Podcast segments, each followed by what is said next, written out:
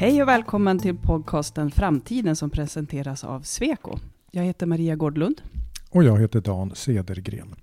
Idag ska vi prata om hur byggsektorn kan bidra till den cirkulära ekonomin genom att ha koll på vad vi bygger in i våra hus. Lisa Elfström, marknadschef på Sunda Hus. Välkommen till Framtiden. Tack så mycket. Kul att vara här. Du arbetar ju till vardags med metoder och system och processer då för att säkerställa medvetna materialval i byggprojekten. Och du är engagerad i EU-projektet BAMB, som jag förstått det. Buildings as Material Banks. Det stämmer. Stämmer. Och ni arbetar då med att utveckla cirkulära arbetssätt i byggbranschen. Och då undrar jag, vad, vad menar ni när ni pratar om en cirkulär ekonomi i byggsektorn idag? Vi menar att vi försöker, eh, vår vision är att eh, få byggnader att vara materialbanker. Det vill säga att byggnader ska vara en bank av värdefulla material, där materialen flödar in och ut och materialen också behåller sitt värde över tid i byggnaderna. Eh, och bakgrunden är ju förstås att vi vill eh, minska och upp, eh, upprätthålla värdet av materialen över tid för att nå en cirkulär ekonomi. Det, lå det låter lite som utopi. Det låter fantastiskt. Det låter som en utopi, men samtidigt så är det som är en vision. Eh, det vi försöker göra sen i projektet är att göra det ganska konkret genom just att ta fram metoder och verktyg för att nå vår vision, eller i alla fall komma en bit på vägen. Mm. Hur, hur, är läget idag? Det känns som att vi är ganska långt ifrån att ha koll på vad vi bygger in i våra, våra hus. Ja, jag skulle säga att i Sverige, om vi tittar på vad vi gör vad gäller medvetna materialval och den delen som jag representerar från Sunda hus, så har vi bra koll. Och det är väldigt roligt att vi i Sverige ligger så långt före andra länder vad gäller den delen. Eh, tittar man mer utåt i Europa så har de mer eh, åtgärder, mer pilotprojekt vad gäller just den cirkulära ekonomin. Så där ligger vi lite efter istället, skulle jag vilja säga. Men det är klart att EU satsar på ett sånt här projekt när vi vet att varje person egentligen gör upphov till ett ton avfall per person och år. Eh, det är inte cirkulärt och det är inte resursutnyttjande på bästa sätt. Nej.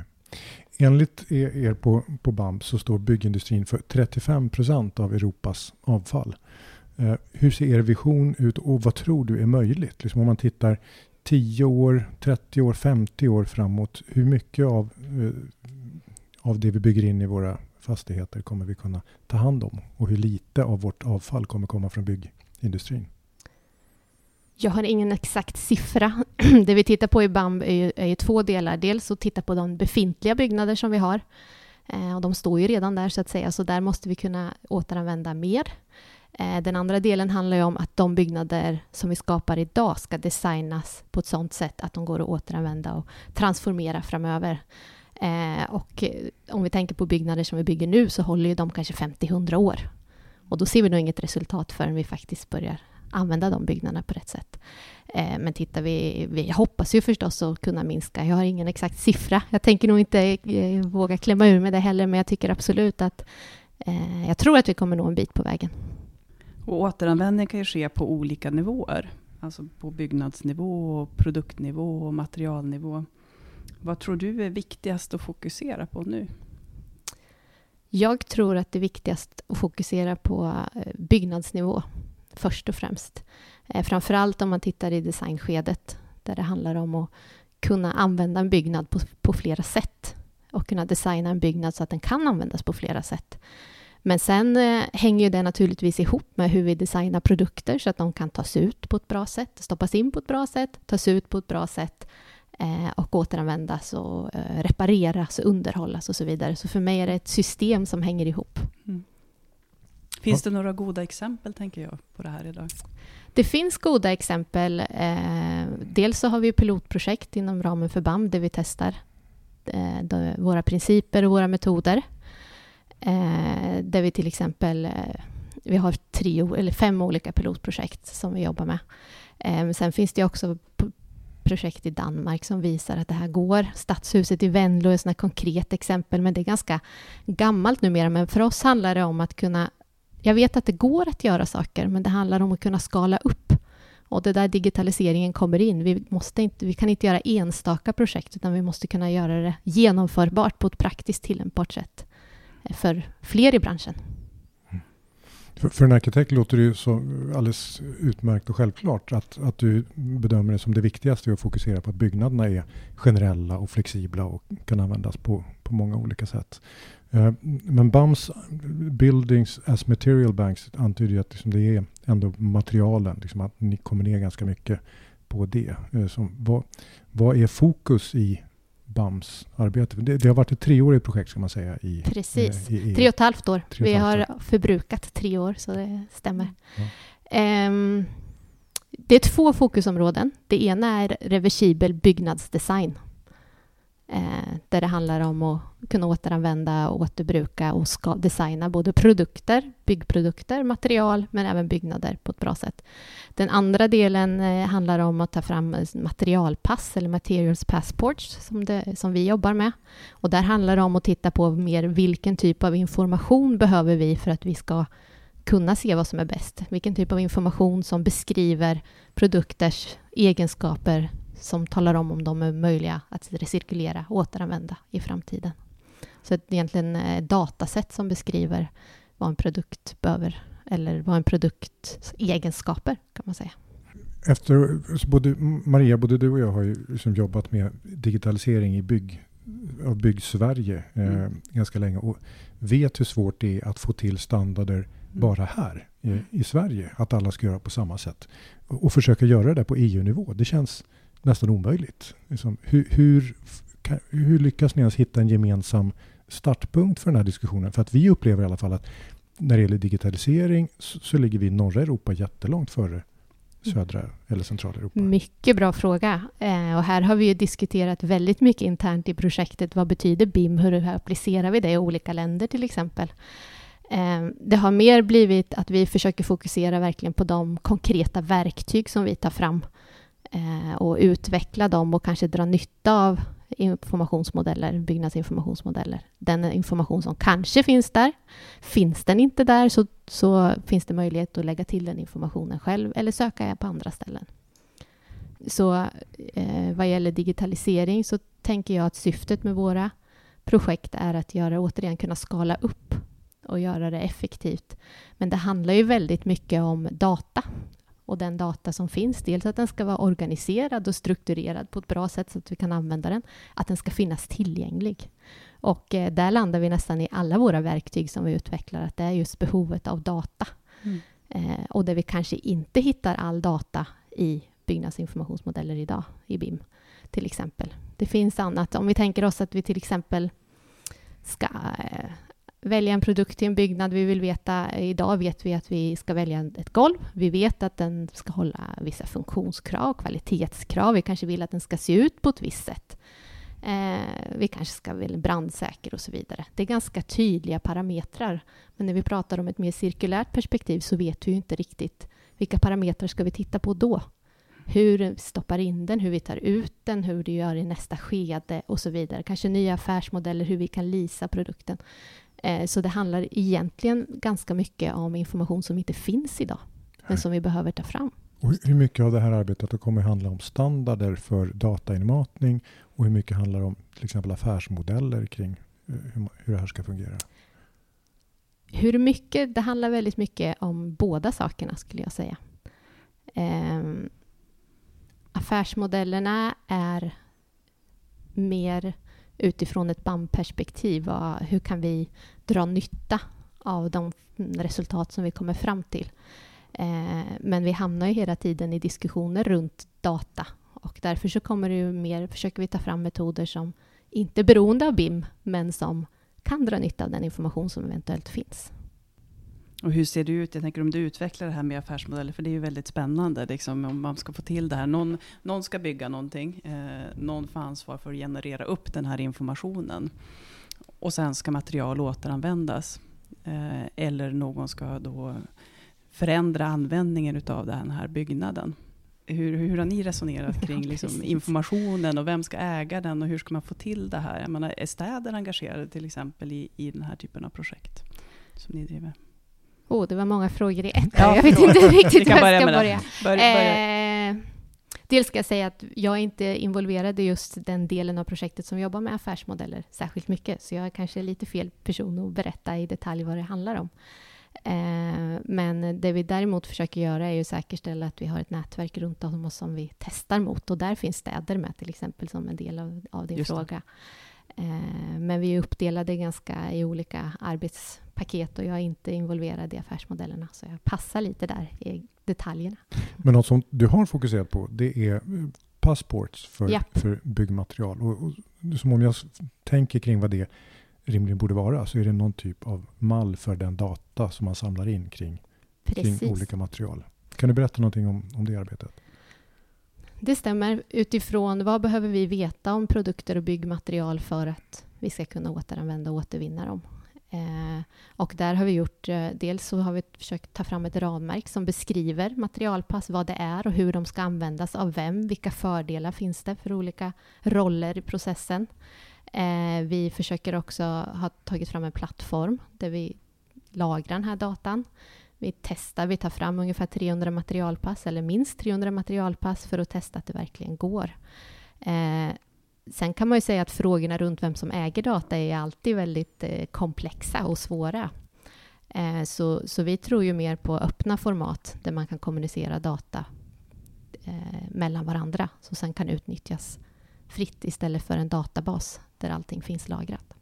Och nu har det här gjorts inom ramen för det här EU-projektet. Hur ska det tas vidare? Hur tas det ut till marknaden? Vilka är den första målgrupp? Eller hur, vad händer nu? Vad, vad händer nu? Jag önskar att jag visste. Det som eh, vi jobbar just nu med hur vi ska fortsätta i nästa steg och exploateringen av det vi gör, eh, som också är en del av själva EU-projektet. Och vi har ju inte klart än, så jag vågar ju inte säga, men vi kommer ju försöka dels dra nytta av de verktygen som vi har tagit fram eh, och kanske få till ordentliga lösningar som går att använda i stor skala. Eh, vad gäller Matteus Passport så tror jag mer på ett öppet digitalt format framöver som kan dras nytta av, av alla, men framför allt jobba med standarder på det sättet att tala om vad menar vi? Vad menar vi när vi säger att vi har cirkulära aspekter? Det finns väldigt mycket kvar att jobba med där. Mm. Vänder ni er i första hand tror du till materialtillverkarna eller liksom vilka är för min del så handlar det väldigt mycket om att de, precis som när jag jobbar på Sunda hus, att det är de som till slut sitter på byggnaden, de som äger fastigheterna. Det är viktigt att det är deras intresse, för det är de som ska kunna förvalta byggnaden och dra nytta av de värdena som finns. Eh, men sen självklart så måste man ju se till att det blir en win-win, så även leverantörer kan tjäna på att tala om sin information, alltifrån kemiskt innehåll till hur man återvänder och återanvinner. För att de också ska kunna designa och ta fram produkter som liksom gör det enklare att återanvända och återvinna framåt. Mm. Jag, jag tänker kring arkitekterna som sitter här på Seko eller byggnadsingenjörerna. När kommer de kunna, när kommer de möta det här liksom i projektering? När kommer vi jobba med material passports? Inom tre år. Är det så? Mm. Jag hoppas det. Eh, jag skulle säga, och även där ligger Sverige lite efter. Matteus Passport är större i andra delar, framförallt Holland. De har ju kommit långt med Matteus mm. Passports. Eh, så det tror jag. Sen handlar det om vad man menar med det. Men om vi menar datasätt som beskriver produkter hur, hur de kan återanvändas och återvinnas så hoppas och tror jag det i alla fall. Sen behövs det ju verktyg och det är ju några av de sakerna som vi, vi tittar på i BAM för att kunna eh, göra det möjligt för flera. Om vi går in på det här med reversibel building design då, då och hela det fokusområdet för mig som inte är arkitekt. Vad innebär, vad innebär det? Vad ser ni för möjligheter? Mm. Där är det ganska konkret att ta fram riktiga verktyg som hjälper till i olika skeden i byggprocessen. Eh, inte heller detta är, är helt eh, mitt område, men, men det finns några, några saker. Dels så kallar man att man tar fram ett designprotokoll som handlar om att man ska titta på eh, liksom, en standard för hur man ska designa en byggnad så att den går att återanvända åter, eller så att den går att transformera till flera olika funktioner eh, som blir en typ av standard. Eh, sen så finns det ett verktyg som heter Reuse Capacity Tool som handlar om att man ska kunna se, mäta i din byggnad hur mycket produkter som är möjliga att återanvända och återvinna. Värdet i det, både när du designar men också i en befintlig byggnad. Ehm, och sen finns det två verktyg till. Ett som handlar om eh, att utifrån byggnadsmått, bärande element och så vidare kunna se hur, hur byggnaden möjligtvis skulle kunna transformeras till olika scenarier och olika användningsområden. Så det är väldigt konkret. Sen är det ju så att här gör vi det, vi testar ju i olika testprojekt. Eh, och det betyder att det är mycket manuell påläggning, mycket Excel, enkla verktyg för att få det att funka. Så nästa steg är förstås att göra det, eh, skala upp det till en mer användbar lösning. Men att det går är tydligt och det finns väldigt mycket jättespännande forskning inom just reversibel byggnadsdesign i projektet som är värt... Om man är arkitekt så förstår man mer än mig och eh, jag tror att det är jättespännande att titta Och mig in också. Ja. Det låter jättespännande. Eh, Du, du var inne på att vi ligger lite efter när det gäller cirkulär ekonomi eh, i Mm. Sverige jämfört Mm. med många andra i Europa. Kan du ge oss en liten utblick eh, och, och berätta om hur, hur långt man har kommit och vad vi har framför oss här? Jag ser framför allt eh, intresset är, är större i andra länder men också både på kanske nationell nivå att man har mer konkreta mål och handlingsplaner för att man ska bli nat- eh, mer cirkulära. Eh, Vilka då? Vilka länder ligger Ja, långt? Holland, Dan- eller Holland och eh, Tyskland framför allt skulle jag säga. Men sen finns det ju även städer som har tagit fram strategier och handlingsplaner och mål, till exempel London och Amsterdam, hur man ska göra. Här är det väl bara Ronneby egentligen, vad jag känner till, som också är med i projektet, som har jobbat mer med de aspekterna. Så där ligger vi efter. Eh, mm. Hur ser intresset ut? Vilka, är nyfikna på BAMS i, i Sverige? Vilka hör hör av sig? Är det kommuner eller?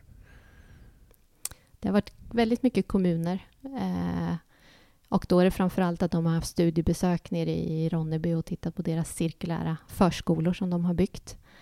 Eh, och, så då har det blivit förskoleinriktat. Eh, sen har inte jag sett så mycket. Sen har vi haft några intressenter varit med på våra möten nere i Bryssel. Eh, Sveriges Byggindustrier till exempel som har uppmärksammat det. Men ganska dåligt om man jämför med Mm. utanför. Men som, vi har ju väldigt mycket mer aktivitet nere i Bryssel också. På gott och ont såklart. Mm. Eh, BAMS har som sagt pågått i, i tre år, eller tre och ett halvt eh, år. Eh, och jag kan inte föreställa mig att ni har gått i mål med, med det här projektet. Det skulle behöva fortsätta. Hur ser fortsättningen ut? Det, som, det ska väl avslutas i februari vad jag har förstått. Det stämmer. Det är ju ett forsknings och innovationsprojekt. Då ska man följa eh, e EUs liksom standard för hur, hur projekten är så är nästa och söka efter ett demonstrationsprojekt, det vill säga att vi verkligen gör verklighet av våra idéer. Nu har vi visat att det går. Vi har tagit fram verktyg som ungefär visar att det går, men nästa steg är att, att göra det mer, ännu mer på riktigt. I så fall demonstrera och visa eh, och ta fram verktygen. Eh, sen så tycker jag att det är väldigt roligt att vi har fått mycket uppmärksamhet. Vi ser redan att det vi gör har triggat idéer, företag framförallt också nere i Holland och Belgien eh, som har nappat på det vi har sagt och skapar affärer och affärsidéer och utvecklar på det som vi redan har börjat prata om. Bara att Mm. ha en vision har kommit väldigt långt och det tycker jag är kul. Och, och avslutningsvis, vad, vad, tror, vad är din egen vision om liksom, hur, hur skulle du vilja att byggsektorn fungerar? mer långsiktig i flera aspekter. Ehm, jag tycker att eh, fastighetsägare är ju, det borde ju vara mer naturligt i fastighetssektorn att tänka långsiktigt. Eh, men ändå så ser man inte värdet av materialen och produkterna i byggnaderna. Och att man ska kunna faktiskt kunna mäta det i, i årsbokslut eller i slutändan för att kunna nyttja resurserna på ett bättre sätt. Stort tack Lisa Elström, vice VD på Sundahus och en av deltagarna i EU-projektet BAMS, Buildings as Material Banks. Och tack till er som lyssnat på podcasten Framtiden som presenteras av Sweco. Jag heter Dan Cedergren. Och jag heter Maria Gårdlund. Tack!